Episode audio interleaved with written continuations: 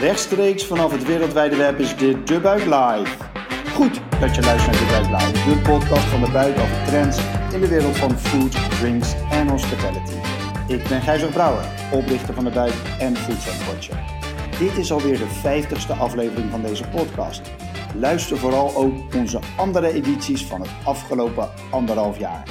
Vandaag heb ik een gast en die zit op afstand. En dat is Kirsten Touzet, oprichter en eigenaar van de Kleine Keuken. Kirsten, wil jij jezelf kort voorstellen? Zeker. Ik ben Kirsten. Ik ben acht jaar geleden begonnen met de Kleine Keuken vanwege het slechte aanbod in kinder- en babyvoeding. Hiervoor heb ik ook lang in de voed gewerkt. Helemaal geweldig. Nou, we komen zo nog uitgebreid terug natuurlijk op de kleine keuken en al jouw uh, food-ervaring. Ehm, ik begin altijd even kort met een, uh, een, blik naar buiten, om het zo te zeggen. Um, ja, met name over, uh, omdat we deze podcast net voor corona eigenlijk begonnen zijn, maar toch de meeste tijdens corona gemaakt zijn. Nou, ondertussen is, is, het beleid natuurlijk zo vaak veranderd en kon er de hele tijd meer en of minder. Zitten we op een moment dat je denkt van nou we zijn er wel weer bijna. Je moet om 12 uur de kroeg uit. Um, en, maar aan de andere kant, uh, als, je, als je naar horeca kijkt, de nacht is er nog niet. De festivals zijn weer een, bepaalde tijd opgeschoven met nog maar de vraag of dat 20 september wel open gaat. Uh, we kregen vandaag cijfers door van CBS waarin duidelijk werd dat bijvoorbeeld de campings het heel goed doen, maar de hotels en de, en de restaurants en vooral de bars het, uh, het slecht doen. Um, aan de andere kant zie je dat, uh, dat, dat de supermarkt het eigenlijk onverminderd goed blijft doen en dat er online steeds, steeds meer naar online geschoven wordt. Zowel voor thuisbestellen, warm, maar ook voor thuisbestellen als boodschappen. Dus ja, er verandert wel wat. Uh, Summer of Love uh, wordt misschien, heel misschien een Indian Summer of Love.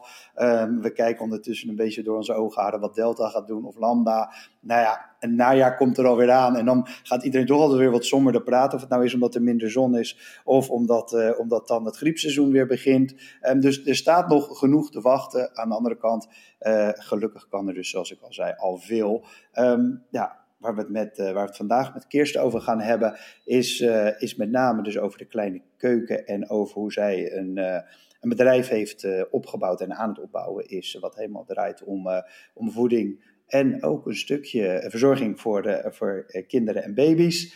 Um, Kirsten um, ja, ken ik nog van ooit bij Unilever, lang geleden. Um, daar zat ja. ze, denk ik, uh, bij, op Ben Jerry's weet ik nog dat je toen zat met Reinoud. En um, ja, al uh, echt een heel vet merk aan het bouwen. Daarvoor even bij, uh, bij Bijkorf gezeten, gestudeerd. Onder andere aan, aan Nijenrode. En daarna, best een tijdje bij Unilever gezeten. Daarna eventjes bij een bureau gewerkt. En toen inderdaad aan, wat je net al zei, aan de kleine keuken begonnen. Um, ja, de naam, je zou zeggen, zegt het een beetje, maar misschien ook niet. Ik vind hem toch wel met een, met een knipoog in ieder geval. Het is, zoals je net zelf al zei, van uh, ja, die smakeloze potjes, daar moest wat anders voor komen. Smakeloze potjes babyvoeding hebben we het dan over.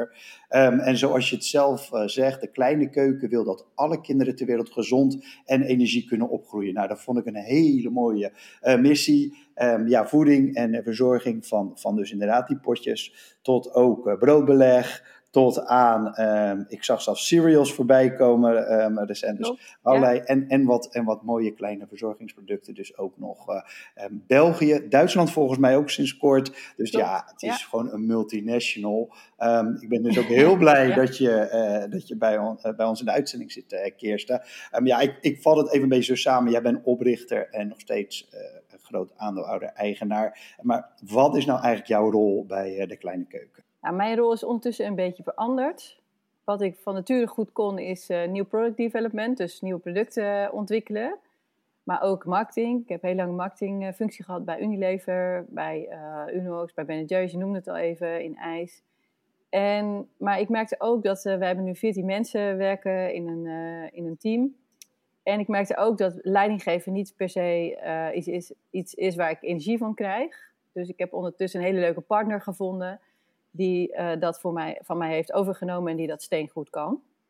Dus ondertussen ben ik nu bezig met de grote lijnen van het bedrijf. Uh, waar gaan we naartoe? Um, ik wil heel graag een uh, platform neerzetten om, um, voor ouders, hè, zodat ze ook allerlei tips en tricks kunnen vinden daar over gezond en energiek opgroeien. Want dat mis ik heel erg. Ja, ze zijn er wel, maar dan vind ik ze te tuttig of juist veel te groen. Dus ik wil juist een leuk, sexy platform gaan ontwikkelen. Nou, dat soort dingen bedenk ik dan. op de verzorgingslijn gaan we allemaal leuke dingen doen.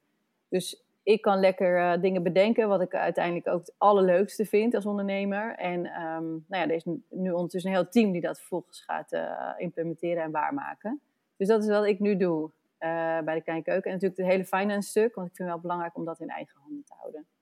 Ja, heel goed. Dus eigenlijk wat, ja, de, de creativiteit en, uh, en uh, nieuwe producten, zowel ja, zeg maar in, letterlijk in, de, die in het schap komen, als ook wat, wat er omheen zit. En het lijkt me een waanzinnige rol om te doen. Hoe, dus kan je misschien dus, hoe, hoe, hoe gaat dat eraan toe? Ik denk dat veel mensen, we hebben veel mensen die, die in de wereld van food and drinks, die, die luisteren deze podcast, maar inderdaad, zoals je zegt, vaak ook marketeers, lang niet altijd product developers of mensen met een eigen bedrijf. Kan jij ze aangeven van hoe gaat dat eraan toe? Hoe, hoe pak jij zoiets aan? Ja, ondertussen hebben we nu hele goede marketeers en um, product developers werken. Dus, um, maar ik zal even kort schetsen. Wij kijken naar aanleiding van wat in het schap staat, wat we echt missen qua producten. En dat gaat op basis van onderzoek. Dus ik zal je een voorbeeld geven. Kinderen missen bijvoorbeeld veel goede vetten en vezels in hun voeding. Met name tussen de zes uh, maanden en uh, anderhalf jaar. En dan gaan, gaan wij kijken in welke producten kunnen we dat gaan verwerken. Om toch die kinderen dat gemis um, ja, te laten eten. En dan gaan we voor het schap staan en denken, wat, wat mist hier nog? Bijvoorbeeld, uh, we misten hele goede cereals. Hè, die zitten vaak vol met suikers, andere toevoegingen die je niet in wil hebben, te weinig vezels. En dan gaan we vervolgens uh, schrijven we een receptuur. En dan gaan we met dat receptuur gaan we um, ja, leveranciers zoeken. En die zitten eigenlijk in heel Europa. Die moeten gecertificeerd zijn, die moeten babykwaliteit kunnen leveren. Die moeten helemaal volledig skal zijn. Dus dat is uh, de certificaat voor biologische voeding hebben. Dan gaan we ze bezoeken, doen we een audit. Uh, daar hebben we kwaliteits, uh, hele goede kwaliteitsdame voor. En nou ja, tijdens een audit ga je kijken van, doen ze wel wat ze zeggen? Klopt het allemaal? Ehm, nou ja, dan mag je de echte, zeg maar, de productielocatie bekijken. Als dat allemaal in orde is, dan gaan we verder met ontwikkelen. En dan stemmen we af over de inkoopprijzen, et cetera. Krijgen we de eerste samples, worden de productietests gedaan. En als dat allemaal in orde is, dan uh, stellen we het voor aan uh, nou ja, de Albert Heijns en de Jumbo's en de grote supermarktketens van deze wereld. Um, en als zij dan ook enthousiast zijn, dan uh, wordt geïntroduceerd. Nou, dit duurt gemiddeld zes maanden tot drie kwart jaar. Zo snel willen we, willen we innoveren. Dat onderscheidt ons ook van de grote jongens, want daar duurt het gemiddeld een stuk langer. Um, en we overleggen natuurlijk ook al van tevoren van, goh, we hebben deze, deze vijf ideeën. Wat vind je ervan? En uh, zullen we dit verder ontwikkelen? En als we dat klaar hebben, zet je het dan in schap. En dus we gaan niet vanuit het niks allerlei dingen laten zien. Dus daarin uh, ja, wil je ook van tevoren een beetje weten: of gaat dit uh, geaccepteerd worden of niet. Zo, dus zo ligt even in het kort het productontwikkelingsproces vast bij ons. En vroeger deden we dat uit de losse pols. En dan dachten we: oh leuk, nou links. En ondertussen zijn er allemaal gates gekomen. En eigenlijk vind ik dat, hou ik daar zelf niet van. Maar het is echt nodig. Want zoals je kunt voorstellen, je hebt te maken met MOQ's, minimal order quantities. Daar moet logistiek van weten. Je moet weten wat de afmetingen zijn van een product. Je moet een GS1 invullen. Nou ja, als je dat allemaal niet correct doet, ja, dan wordt er één groot zootje. Dus ondertussen hebben we dat helemaal um, nou ja, in processen vastgelegd. Jouw uh, uh, je focus ligt uh, duidelijk op de, op de supermarkt. Je noemt ze net al in ieder geval de twee grootste de spelers in de, in de branche. Um, je doet ook, je doet ook veel zelf online, zie ik. Um, hoe speelde vorig jaar ineens zitten mensen thuis, uh, er was ineens gedoe om naar de supermarkt te gaan. Um, nou, kan je misschien, je hoeft niet precies zeg maar, van stap voor stap, maar hoe is jouw afgelopen jaar, anderhalf jaar gelopen? Wat heeft het voor, uh, misschien jou persoonlijk, maar ook wel voor de kleine keuken betekend, dit, dit, uh, ja, deze periode? In de eerste instantie dachten we, oh god, we moeten nu een noodplan maken en kijken naar onze personeelskosten en wat gaan we allemaal doen? Maar al snel bleek het dat dat voor supermarkten en voor de verkoop daarin allemaal wel meeviel. Wat we wel zagen, dat vond ik eigenlijk wel geinig, dat mensen veel meer zelf gingen maken. Dus in de eerste twee maanden werden er minder tussendoortjes en koekjes verkocht. Dat je zag dat mensen veel meer thuis zelf aan de slag gingen. En minder op pad gingen. Ons product lenen het zich goed om mee te nemen onderweg. Dus je zag wel dat dat um, even wat minder werd. Maar al snel trok dat wel weer aan. Dus um, we hebben er niet heel veel last van gehad. We hebben wel last gehad van inkoop van grondstoffen, zoals uh, nou ja, basisgrondstoffen zoals gedroogd fruit, uh, maar ook karton en zo. Daar was ineens een enorme schaarste in. Ook omdat er te weinig werknemers waren om um, alles goed te kunnen verwerken in bijvoorbeeld Turkije. Maar wat we ook gezien hebben, is dat uh, er structureel te weinig C-containers beschikbaar zijn. Dus dat betekent dat je planmatig hele andere dingen moet gaan doen. In plaats van dat je normaal je rozijntjes binnen twee weken binnen hebt, duurde het nu zes tot twaalf weken voordat zoiets binnen was. Ja, en dat is heel moeilijk plannen. Dus we hebben wel tegen een aantal out-of-stocks uh, gekeken. En voor onze logistieke afdeling was het echt drama om alles in goede banen te leiden. Merkte jij dat, uh, dat er uh, verschuiving was in kanaal? Of, of ging gewoon nog steeds alles, uh, of zoveel, dezelfde hoeveelheden via, via supermarkten en bijvoorbeeld ja. direct-to-consumer? Ja, toch wel via supermarkten. Je merkte ook dat mensen het een prettig uitje vonden om even naar de supermarkt te gaan. Dus we hebben niet ineens veel meer online verkocht. Nu zijn we inmiddels anderhalf jaar verder er wordt wel een beetje gekscherend gesproken van, van een corona babyboom. Heb je, heb je daar nou nog, merk je daar nog wat van of is dat puur en alleen een knipoog? Nou, ik denk dat het echt een knipoog is inderdaad. Wij merken er niet per se iets van. Het gaat wel heel goed. Je merkt wel dat mensen, heb ik het idee, steeds meer waarde hechten aan gezond eten. En daar steeds meer bij stilstaan. Ook omdat eten en voeding natuurlijk een belangrijk onderdeel is van hoe gezond je bent en hoe je immuunsysteem werkt.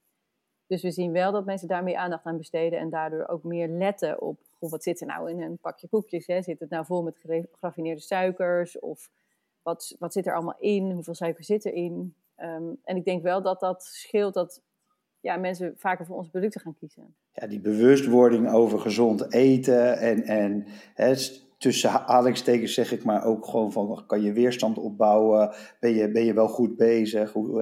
dat merk je eigenlijk inderdaad wel over de hele branche en ik denk dat dat jullie ook uh, goed, uh, goed in de kaart speelt. Zijn er nou nog dingen die jullie speciaal gedaan hebben afgelopen anderhalf jaar of dingen die je anders gedaan hebben? Of was het eh, gewoon, je zegt wij, wij kunnen in zes maanden tot negen maanden iets ontwikkelen. Dus je kan, je zou er op in kunnen spelen. Is dat gebeurd of, of heb je, zijn er andere dingen gespeeld? Hebben er andere gespeeld? Ja, wat we heel graag zouden willen is bijvoorbeeld pre-probiotica toevoegen aan voeding voor uh, kleine kinderen. Met name als je geen borstvoeding hebt gehad als baby, is dat een enorme uh, ja, aanvulling. Echter, we lopen wel tegen de wetgeving aan. Wetgeving voor babyvoeding is 16 jaar oud en is ondertussen verlopen. Er is nog geen nieuwe wetgeving. Dus ze pakken terug op uh, hele oude nou ja, regelgeving die, die eigenlijk voor innovatieve producten niet mogelijk is. Um, of tenminste niet toepasbaar is. Dus het is voor ons wel lastig om te innoveren in het schap. Dus we, nou ja, fietsen er een beetje omheen. We proberen van alles. Maar die, die wet en regelgeving um, helpt niet om heel innovatief te zijn in en baby- en kinderschap. Dus daar lopen we wel tegenaan ondertussen. Ik hoor veel uh, over prebiotica, probiotica. Um, kan jij misschien kort iets vertellen over wat jullie zouden willen doen en wat het effect daarvan zou kunnen zijn? Want ik denk niet dat elke luisteraar uh, direct scherp heeft wat, uh, wat, voor de, uh, wat voor innovatieve impact dat zou kunnen hebben. Ja, wat we nu bijvoorbeeld wel gevonden hebben, is het toevoegen aan inuline aan koekjes. En dat is een bepaald soort onverteelbaar vezel. En als je dat dan eet, dan komt het in je darmen. En die zorgen zeg maar, dat de goede bacteriën in je darmen um, meer te eten krijgen en dus gaan groeien. Waardoor je nou ja, hele darmflora er weer uh, beter uit gaat zien, waardoor je weer beter voelt. Dat is even helemaal in het kort plat geslagen wat er gebeurt. En je hebt allerlei soorten preprobiotica, vaak in de vorm van onoplosbare vezels. Um, waardoor je je buikflora um, ja, ervan opknapt. Je zet eigenlijk je darmen extra aan het werk. Uh, en, en geeft, ja, die, die, die uit miljoenen, miljarden, miljarden, uh, ja, zeg maar, beestjes noem ik maar even, bestaat.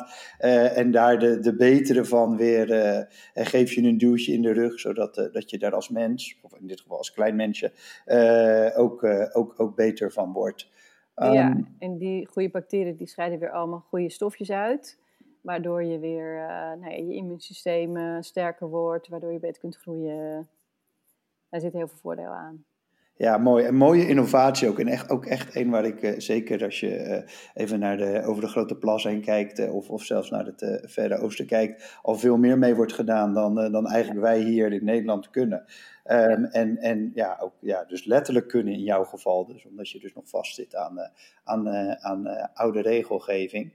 Um, nou, dat was eigenlijk ook een vraag die ik, die ik in bredere uh, zin aan jou wilde stellen. Eigenlijk ook naar afgelopen, uh, het licht van de afgelopen anderhalf jaar, maar ook wel uh, gewoon breder. Van, zijn er nou um, dingen die jij, je zei net heel concreet, dit zou ik wel met de overheid misschien wel willen bespreken. Of zijn er nou dingen die jij aan de overheid of aan de branche of aan je collega's zou willen vragen? Van ja, dit zou wel anders moeten of dit zou beter moeten of hier wil ik aandacht voor hebben. Ja, wij proberen natuurlijk om echt gezonde voeding te maken voor kleintjes. Dat betekent bijvoorbeeld met vezels, uh, weinig suikers. En suikers die we gebruiken zijn ongeraffineerd of gemaakt van, uh, of gebruikt uit fruit. En er wordt nog zo weinig nuance gelegd. Dus nog zo weinig ruimte voor nuance over wat voor een ingrediënt je gebruikt. Wij geloven heel erg in gebruik nou het hele ingrediënt, dus voor korenproducten, gebruik appelsap om te zoeten, et cetera. Terwijl de hele industrie nog heel plat kijkt naar uh, voedings waarden. Dus koolhydraten, vetten, eiwitten, suikers. Ja, dat is het. En aan de hand daarvan wordt gekeken, oh, is een product nou gezond of niet? Ja, daar kijken wij veel breder naar. We kijken veel breder naar, um, gebruik je het gehele product of ingrediënt? Stop je dat erin? Hoe bied je het aan uh, als pakketje, zodat een kind dat goed kan verwerken of niet? Um, wat zijn de andere eh, kleine zeg maar, micronutriënten, dus uh, vitamine, mineralen, spoorelementen, zitten die er wel in? Daar is nu op het moment helemaal of heel weinig aandacht voor in, ehm, in producten in de supermarkt. Dus uh, ook de wetgeving kijkt hier niet naar. Je mag uh, bijvoorbeeld uh, prima heel veel suiker in broodbeleg stoppen. En dan gezonde vetten, die mogen dan niet, want vet is ongezond. Nou, en zo kan ik nog uren doorpraten over wat daar allemaal niet aan klopt. En dat is lastig, want um, we hebben natuurlijk die, die, die grote bedrijven, die hebben niet heel veel, uh, nou ja, die geven niet heel veel sjoeg om daar echt een verandering in te maken, want dat is allemaal wel prima zo. En wij moeten echt vechten tegen de bierkaai op het moment. En uh, dat is wel eens lastig. Dus de oproep is constant van kijk nou naar die wetgeving. Ook de NVWA is heel streng, wil niet meebewegen.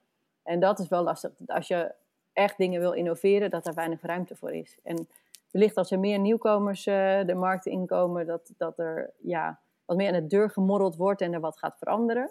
Maar tot nu toe is dat heel lastig. Maar dat is dus eigenlijk jouw rol als nieuwkomer. En je roept zelfs uh, collega's slash concurrenten op om, uh, om maar ook ja. die rol uh, op te pakken. Ons... Ja, absoluut. Ik een beetje tegen Bigfoot aan te trappen. Of misschien wel meer de, de, de overheid wakker te schudden als het gaat om, om de regelgeving hieromheen. Ja, exact. Ja. ja, en de regelgeving wordt ook vaak opgesteld door mensen die niet per se verstand hebben van het vakgebied aan zich. En dus echt bijvoorbeeld specifiek naar die babywarenwetgeving uh, warenwetgeving verstand van hebben en naar kijken. En dat bevreemdt mij echt. Want um, het is toch in het belang van iedereen dat we gezonde kinderen laten opgroeien in Nederland. En wetgeving is daar wel echt een goed begin voor. Als jij nu, hè, jij, jij, bent hier nu uh, acht, negen jaar mee bezig. Um, je, je, van, van, van, je, intern heb je goed omschreven van, hè, we, we, ik zal niet zeggen we deden maar wat, maar heel erg vanuit een missie naar toch wel een gestructureerde uh, organisatie um, met, met, ja, met grote plannen die, die goed kunnen, nou contact houdt met, met, met de grote kanalen. Um, heel erg gericht op, op, ja, op, de, op de gezondheid en de energie van, van, van de kinderen. Um, hoe zie jij dit verder ontwikkelen? Want dit is, het, het klinkt alsof je hè, een druppeltje is en dat hier nog zoveel kansen liggen. En um, ja, die markt, als je net even wat meer door je oogharen kijkt en wat minder naar de wetgeving, lijkt wel of die soort van on fire is. Of iedereen het gezond en, en, en met, met, met, met slimme ingrediënten en het volle product. En lijkt of er nog heel veel kan. Hoe kijk je daar tegenaan? Ja, ik kijk er ook uh, zo tegenaan. Er zijn een aantal. Um dingen die wij heel erg belangrijk vinden. Eén daarvan is biologische uh, landbouw. dus dat je echt zorgt voor de aarde en zorgt dat alle voedingsstoffen ook weer terugkomen de aarde in. En dat we ehm, een voedzame bodem voor latere generaties ook achterlaten en niet een helemaal uitgeputte bodem. Dus die biologische landbouw vinden wij heel erg belangrijk om die te ondersteunen en ook aan te geven dat dat zo belangrijk is. En de reguliere landbouw die schopt daar natuurlijk heel erg tegenaan echt, wij geloven heel erg in um, nou ja, circulaire landbouw en alles Ehm, dat geen monoteelt plaatsvindt, maar dat die bodem gewoon heel voedzaam blijft. Nou, dat is één. Ehm, twee, kijken we naar producten in het schap. Ehm, maar ook dat ouders gevoed worden met goede informatie over hoe kunnen ze hun kinderen gezond en energiek laten opgroeien. Er is waanzinnig veel informatie niet bekend bij ouders of veel te ingewikkeld in wetenschappelijke onderzoeken gegoten. Uh, waar geen touw vast aan te knopen is. Uh, en als je dat in een normale mensentaal vertaalt en naar de ouders brengt, dan zullen ze andere beslissingen nemen dan ze wellicht nu doen. Dus dat is ook een rol van ons om die uh, nou ja, echt te pakken. Um, ja, en daarnaast is het ook belangrijk dat, um, ja, dat we beseffen welke rol grote bedrijven hebben.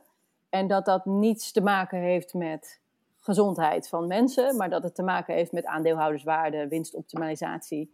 En ze kunnen wel zeggen dat dat niet zo is, maar dat, dat is wel zo. Want als je de economische structuur erachter bekijkt, dan, dan werkt dat gewoon zo, helaas. Um, dus de verandering moet ook op een gegeven moment komen vanuit de overheid, vanuit de wetgeving. als die dingen op gaan leggen, dan gaan er dingen gebeuren. Um, dat gaat niet vanuit de consument komen en een stuk minder ook vanuit de grote jongens, zullen we maar zeggen. Dus ik denk dat wij naar die drie, die drie dingen kijken en voor die drie dingen ook uh, op de barricades gaan staan komende jaren. En daarnaast uh, zijn we nu bezig in Duitsland. Daar wordt het heel goed ontvangen, wat ik heel tof vind. Um, wij groeien echt rustig, dus we hoeven niet per se um, megalomane groei elk jaar te laten zien. Groeien is wel belangrijk, want dan kunnen we onze invloed blijven uitoefenen en uitbreiden maar land voor land. Dus we zijn nu bezig met Duitsland, een enorm land. Um, en dan gaan we weer door naar het volgende land. Dus dat vinden we ook belangrijk, dat het niet alleen bij in Nederland uh, blijft. Hè, dus dat we ook lekker naar het buitenland kunnen gaan. Dat is ook leuk, een mooi avontuur.